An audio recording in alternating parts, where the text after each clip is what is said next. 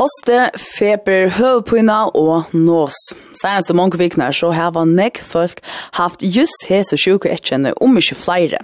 Men hvor er så nek folk sjuk? Hvor er det slik at toja kommer fyrir seg? Og når er det to eier affæra til lakna? Til skal vi prate om nå. Vi tar finnes Gunnhild Helmstel i utvarstående. God morgen og velkommen Gunnhild. God morgen, takk for det. Og jeg vil til som lortar en spørning til kommunlagnan, så er jeg skrivet til nummer 22 00.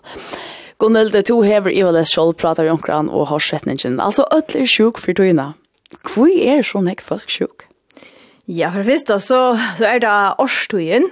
Vi der, man sier, å ha vetren jo, så det er ikke så øyla nek og vanlig ved tøy. Det er kaldt, og vi der mer inne, og ta truvast uh, atlas infektioner bättre. till så de primära orsaken. Men är det så att nu har vi ju två som man vet alltid att det är näckfolk som är sjuk. Är det näckfolk? Ja, yeah, det är det, men um, det är nog inte så öra jeg mer än, en hva det är en vanlig veter. Det, det är det nog inte. Men uh, kanskje sammensettet ikke infeksjonen er sin drøvelse enn til å det. som man säger, det går en vanlig år. Mm. Ja, hverja sjuker er talan om, altså hverja sjuker er omsen for døgnet?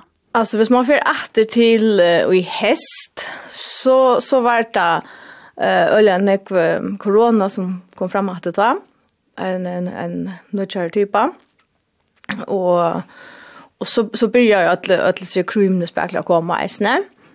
och så kommer så en blandning av av någon um, bakterielle infeksjoner, og, og så eisen influensa, kom øya en egen influensa i veter, og ja, og så sjående ødelse krym, som, som nevnt eisen i Arna, og her, her middelen eisen, eisen til dems kikoste, som, som det var uh, størst utbrott av.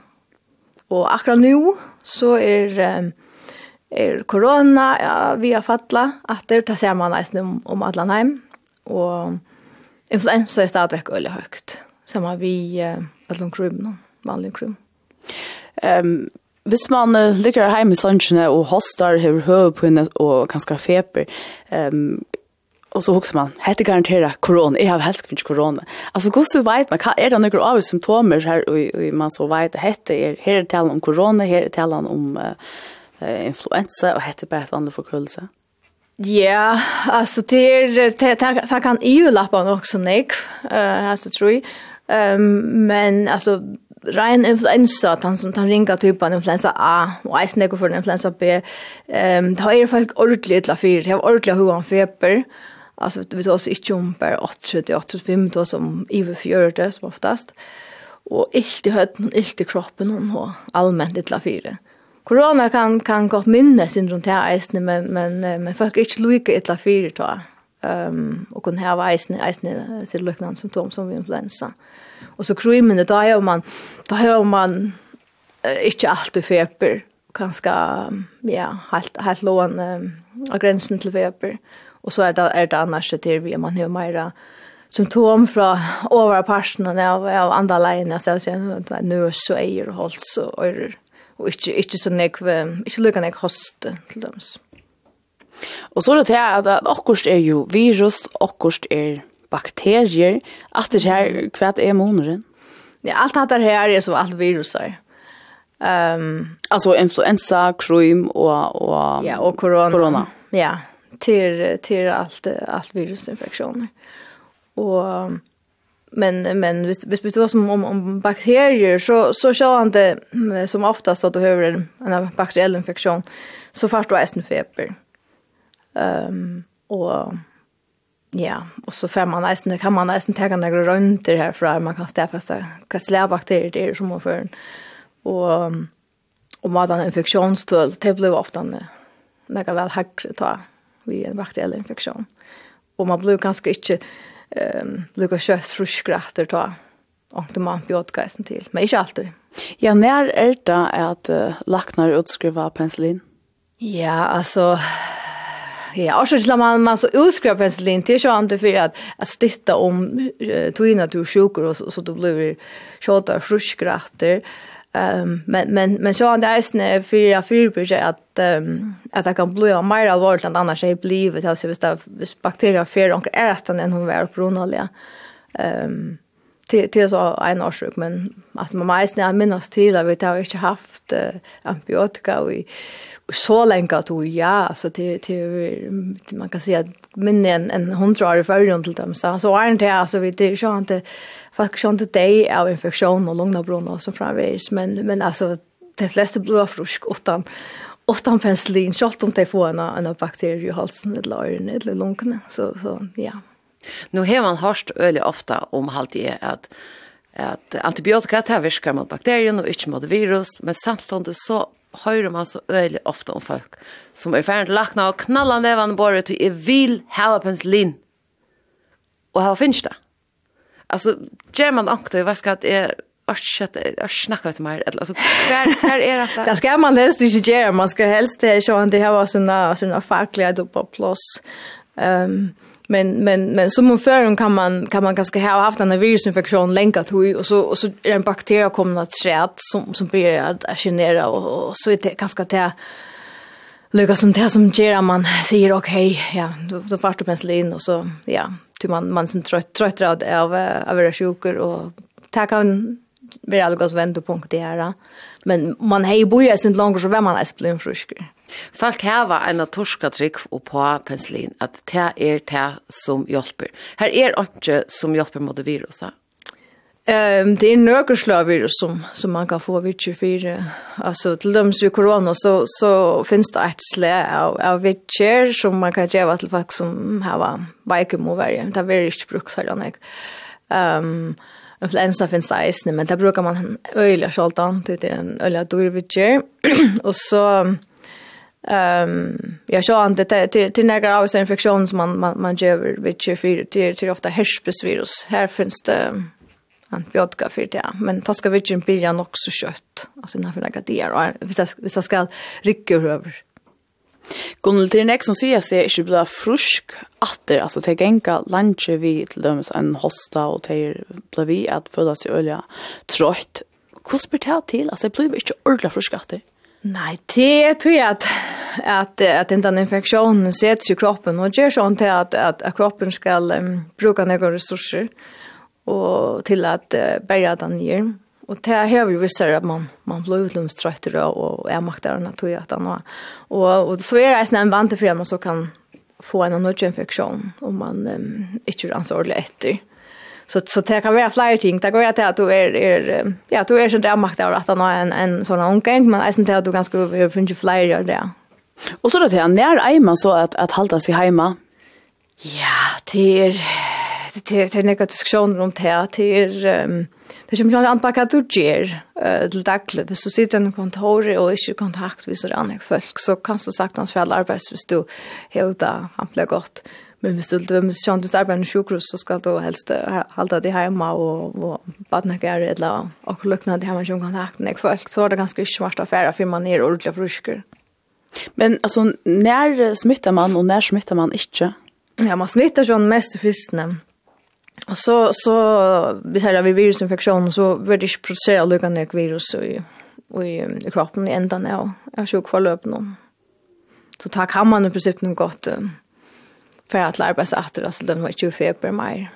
Men selv man ganger og hostar og, og kanskje renner sin til egen, altså det er Det är inte något som smittar. Nej, inte som så hvis du, hvis du fyllde dem raun som vi fick pränta snägg in under koron tog in till vi att hålla frost över och vaska händer och och njås i ärmna och, och framvägs och spritta händerna här hvis man hur man lägger för tog i.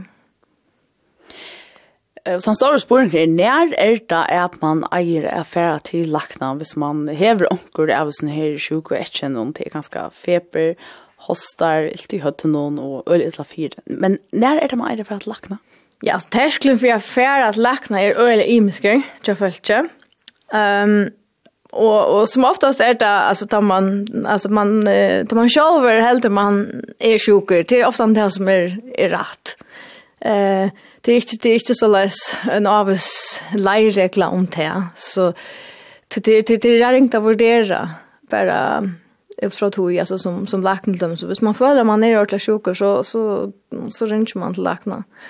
Um, men, men hvis man skal ha och konkret halta seg till så er det til dems feber. Alltså hvis du har feber i några dagar och följ det ett eller fyr. Feber i en dag är som oftast uh, ikke særlig uh, særlig stort vanta av tidsen, eller så.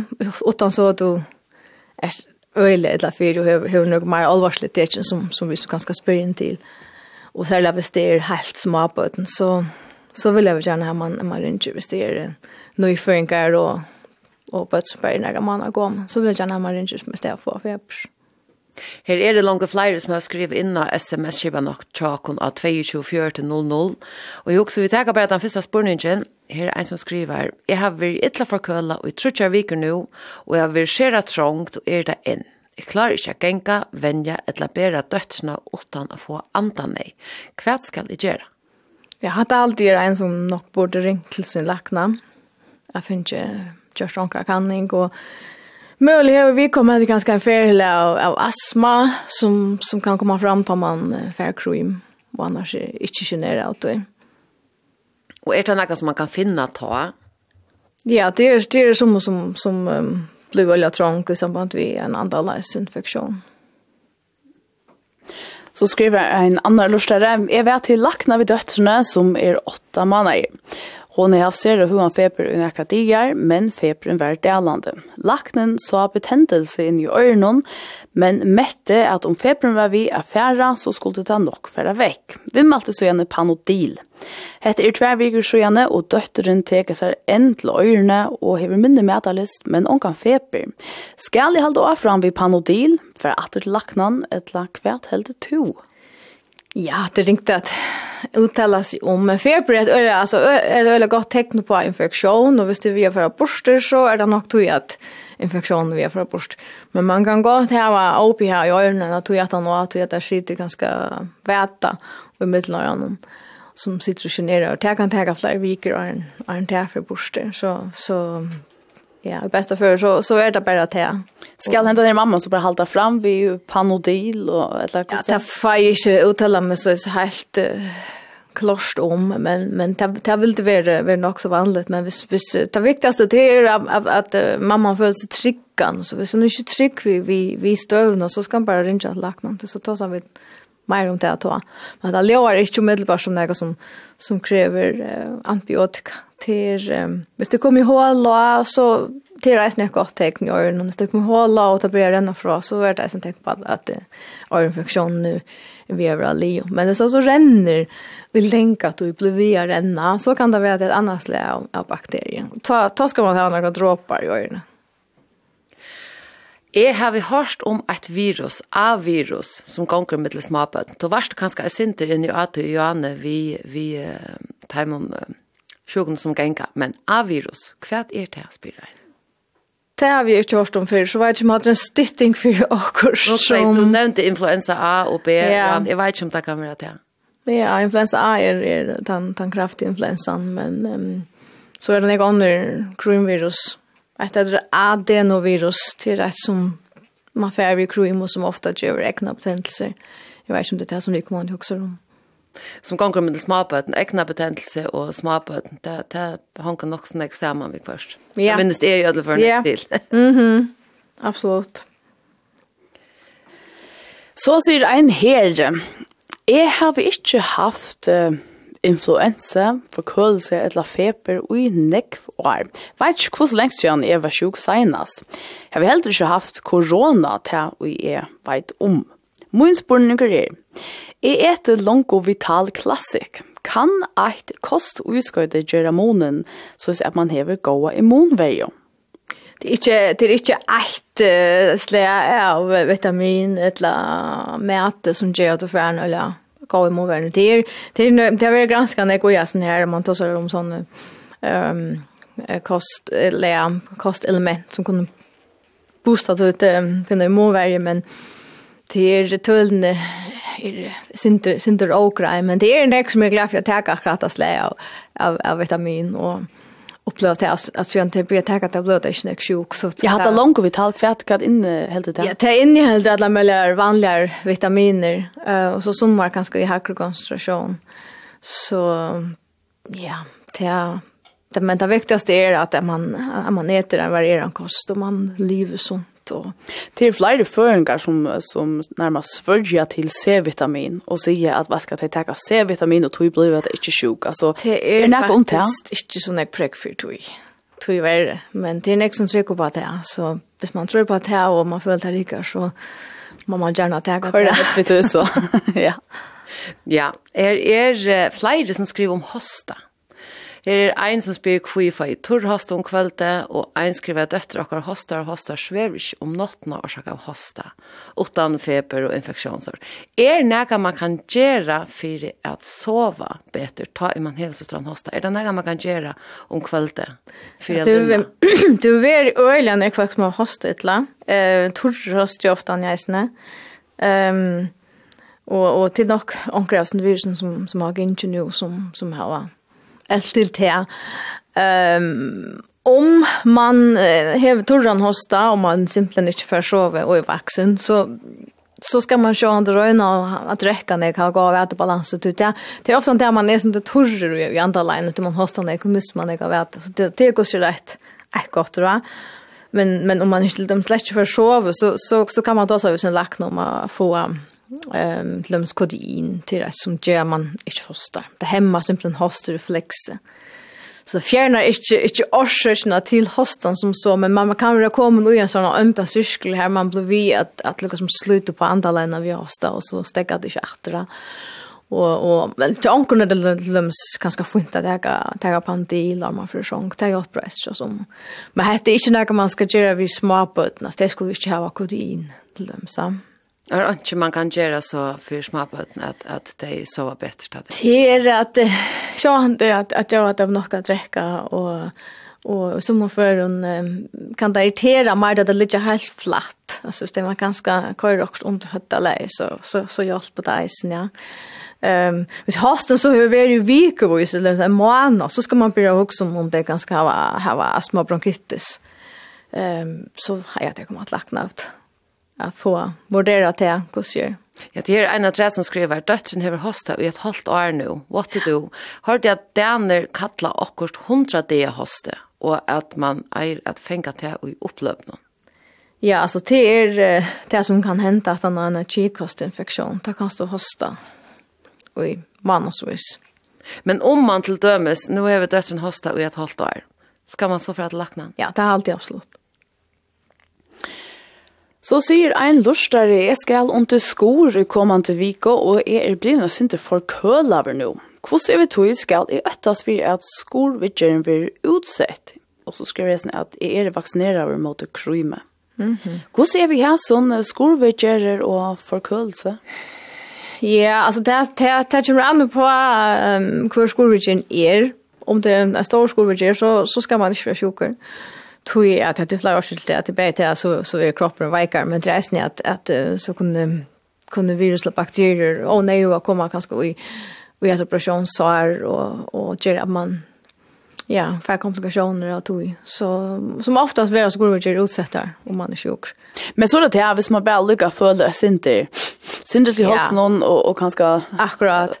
Alltså, det det är liksom gång och marsjuk och så vidare för det. Det är ju man för så vart stort och är en skolvigern. Alltså det det är inte något man kan säga när vi gick och är den. Det är till tandläkaren som ska operera som, som är utgör det. Mm -hmm. Ja. Ja. Hvordan er vi bokilsk hos Birain, lestloiv? Har vi til nekka vi influensa gjør? Anke du, men man reisen seta uh, det nødgjeste slene av um, koronavirus, at det blir mer symptom fra bjørtjen, så det kan møte være at det blir det. Så spyr ein annar ut i som skuffen her, sonen har haft ilt i bjørtjen, så jeg frutja deg, han spyr og kokar blett. Er tog jo på arrangert lakna, han er trojere gammel.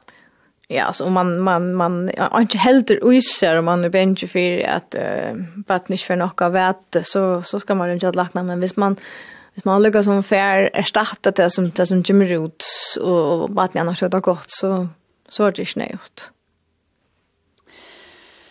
Ehm um, og her skriver en til akkurat det som er att för när om at en folk har akkurat hetta. En skriver for tvei må vi kan se han var sjuk mildan feber og ser ring i hö på inne. Nu i morgon vaknar vi på inne i halsen og nu i följ for køla ja. Er det vanligt at bli sjuk så kött at nå er man akkurat hever vi sjuk. Det kan man gott. Som sagt så så blir um, kroppen som det drenar og i mover ganska skär och det högsta akkurat at man infeksjon så det tar man ska sätta man inte för en annan infektion. Hva kan man gjøre selv, eller selv ta om man hever sjuk, og så får man, blir man lukka som på gjerne steg inn atter? Ja, de aller fleste av oss har jo et ordentlig godt immunsystem, uh, så vi klarar det vanligene. Men, men om man er en som, som får eller lagt infeksjoner, så, ja, så skal man halta seg fra storen, folk har mångt om, og anses en dreige etter, inntil man er kommet, man sier, forbi til. Ja. Som att det lätta sig sindre eka väl oj ta ut det akkurat för sjuk och börja liksom affärer utsatt det och börja på att han vanliga tjänsten att alltså ger han där kramon att man jag vet inte är du tjocka jackan någon om man är du jag vet inte det är inte det är inte akkurat det som är outgent ja. Det är det är det är som som som blir lätt sjuk hvis det steg enka ber men det är nästan liksom slett ikke lett å lätt lätt att og ikke blir sjuk, så at det at det er veldig individuelt. Det er, det er ikke är inte öliga starkt där spräck för sånn at kult lika som er är Det er till er tillsammans vi öllon hinon. Att hvis du, hvis du er kallt så så først du inn, og så er det samme, men det och följt så er det liksom ganske mer til som er, er orsaken. Jeg minnes da jeg var yngre, da slapp man ikke ut vid vaten her. Nei, nei, men det blir ut vi vad den har så blir det sjuk. Akkurat. Akkurat. Är några empiriska granskning som säger vad. Det det är det nog inte nej, inte ordentligt. Nej. Her er et er sindr av det samme, er en skriver hei, Ja, vi ofte finner penicillin for lungna, hals og øyrebruna. Men hun kommer kan ikke minnes at han nekker til å finne penicillin. Hvordan bør det til at det er så imist? Vi bygger jo sammen og burde være utsett for det samme. Ja, det er det. Men um, det här var nog inte helt uh, som uh, i Månberg. Så det är, uh, han är bara, eller helt i tryck vi blir inte lätt sjuker. Och, och så är det en det som man ganska kan, kan granska och gilla ta som. Och det är att, uh, att det är livet som man uppfattar sjuka. Um, Alltså när är det sjuk? Ja, ja. Så som kanske reagerar inte något på att att att snotta synterla och att här var här var små symptomer och och köra bara av och göra men annor fulla sig räla sjukan ta om och lägga sig och sånt närmast. Så hade hade hade är imms faktorer man nog inte vet så är det nog. Men men kan man lägga som bäsa en förkölelse eller så jag för att det inte ordentligt så blossar upp ehm um, på några som helst mat att man mäscher o ha nu är ett ett eller annat. Nej, nog inte ordentligt nej, utan det kom in så så för så för vi sån igång vi att Jag flyr falta sig och ja. Jag har sån kan se man kan bara svajta det ut. Alltså de stäcker en ordentlig vändning och så är man svajtat ut. Och inte ordentligt till att att du sjuker så man kan gå vänja men men man man är ju sånt vikar då så det är om man vänder det harst så så kan man faktiskt få marskejer. Jag vet inte mer man sjuk så det det ska man anses som rätt. Ein og sier her, vi melder man vitaminer til folk som annars er frusk. Det er jo ikke, som man sier, all nøyot at jeg har vitaminer hvis vi skulle fære i det til det. Vi til før når jeg var, jeg var ganske forlått av, av D-vitamin, Så det er kanskje det eneste, og så folk gjør mig sen alltid har vært godt gott att äta kolk, hvis jeg ikke trekker hvordan mjölk mjølk, og mjölk och trott. Men man äter en eller varierer en kost, så, så er det som så snällt. Nu får jag til helt annat. Det er en som skriver, hei, jeg fikk keiserskor for tre må og så igjen, men er nå byrje å følge opp i her inn i bokholden i her løymeren sitter. Følge opp i her svimmeleit og jeg sindra febre, og da får jeg veta ur ærenon at det for tre må døven så igjen. Kan brone være innenfor skoren, etla man da være akkur som gonger? Jeg hei eisne brona fyrstan der etter skoren bei innan og åttan og omtæven, jeg kan si. Ja, no, det var nok så lengt tog jeg ikke. Um, hadde mamma kan han her. Så hendan ska färra till lakna. Ja, helt säkert, ja. Jeg får influensavaksine kvørst år, i unga til sjuker, så det kan jeg gjørs vimmelast. Ja, se, altså, er det måneder, og altså, til at folk noen som her var finnes ikke, så skjer uh, influensavaksiner, at de uh, gjøres alls ikke sjuk, eller bare få det mer mildt. Ja, til til til bæja, som vi får det så ikke og som vi får det i en mildare form. Og til til mest det man man vil trycka sig att folk inte blir så öliga sjuk. Ehm um, hui är det så för för en svår influensa och i veikor som man ontan så så är det oftast det som det som tar livet för det är det att det får en en bakterium man har isen. Och så lägger som ja, färda och tog. Så det är, det är gott oskott om man, särskilt om man, man är äldre eller har några kroniska sjuk. Mm. Om onker i husen är sjuker är det att ta gott att lufta ut. Nej, ja, akkurat det är gott att nämna det att det är alltid man, man uh, tar allt för löjt om. Det är öjla gott att lufta ut. Uh, till att efter då som man har att något ändå täga Flyer fair. Det är absolut, det, det hjälper öjla väl. Mm att att få få luften att skifta så att virusen som hänger i luften här tar vara bort på ent. Och det hjälper kanske inte två personer som är sjuka, men det hjälper att hinne i huset Akkurat, ja. blir sjuk. Yes, och det är, det är utluftning vi fått lära skera och i några minutter. Det är inte att alla väntar stand stand upp och tumma så vis. Torr på utluftningen 20 minutter här ordentligt träcker då att. Yes. Sen det träcker sin kava. Eh, ja, her er og flere er her. Er onker som sier at uh, et som hjelper for å hoste, det er um, jeg kan eit det skum, um, skumputer, eller skumpedoser. Hva er sånn her kom? Nei, jeg har ikke om. Alt rart før. Nei. Nei. Ehm jag vet inte eller om du fast och ser som Her er vi mer seg laknan. Ein skriver, er bartes vi forkølelse fra Vestne 14 til om leit Vestne 20. Vi slapp ikke av vita, tjekk pakkar inn i termoboks og tjukka trøtja torre klei kvarja for hver ut. Koma kallt låt av meg og over etla klatter så blei beina vi forkølav. Hei konstanta høy på en møye og rennande nøs. Hver dag var vær en bardei. Vært lakna og fikk jeg vite at nøkker er bare lengt høy for kølla, ett tøyer skal jeg måtte gjøre jeg sjukermeldast. Så leser jeg ned når man skal takke jodtilskudd. Nå er jeg alltid frisker.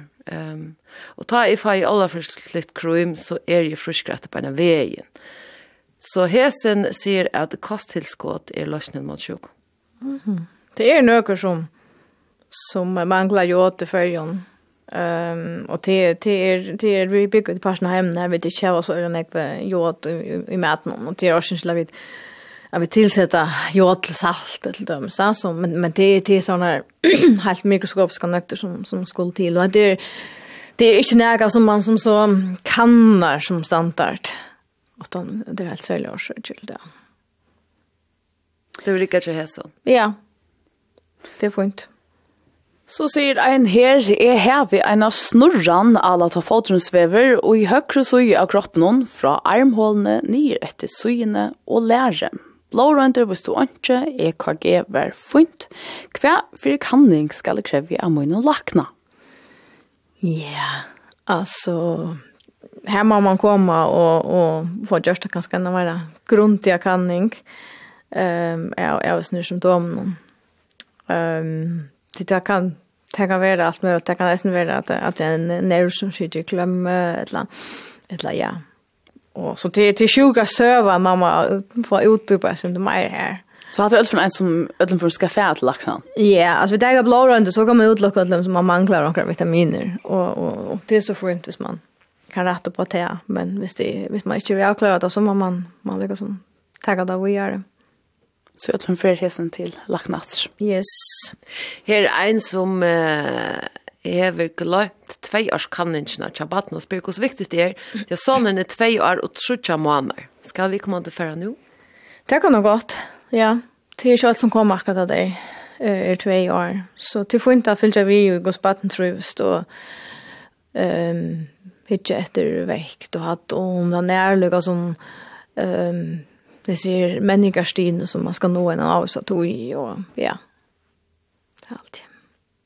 Så tackar vi tann senaste av spurningen og i dem er heve ilte i bjørsen kvalma og trusht av brinkna i flere dier nå.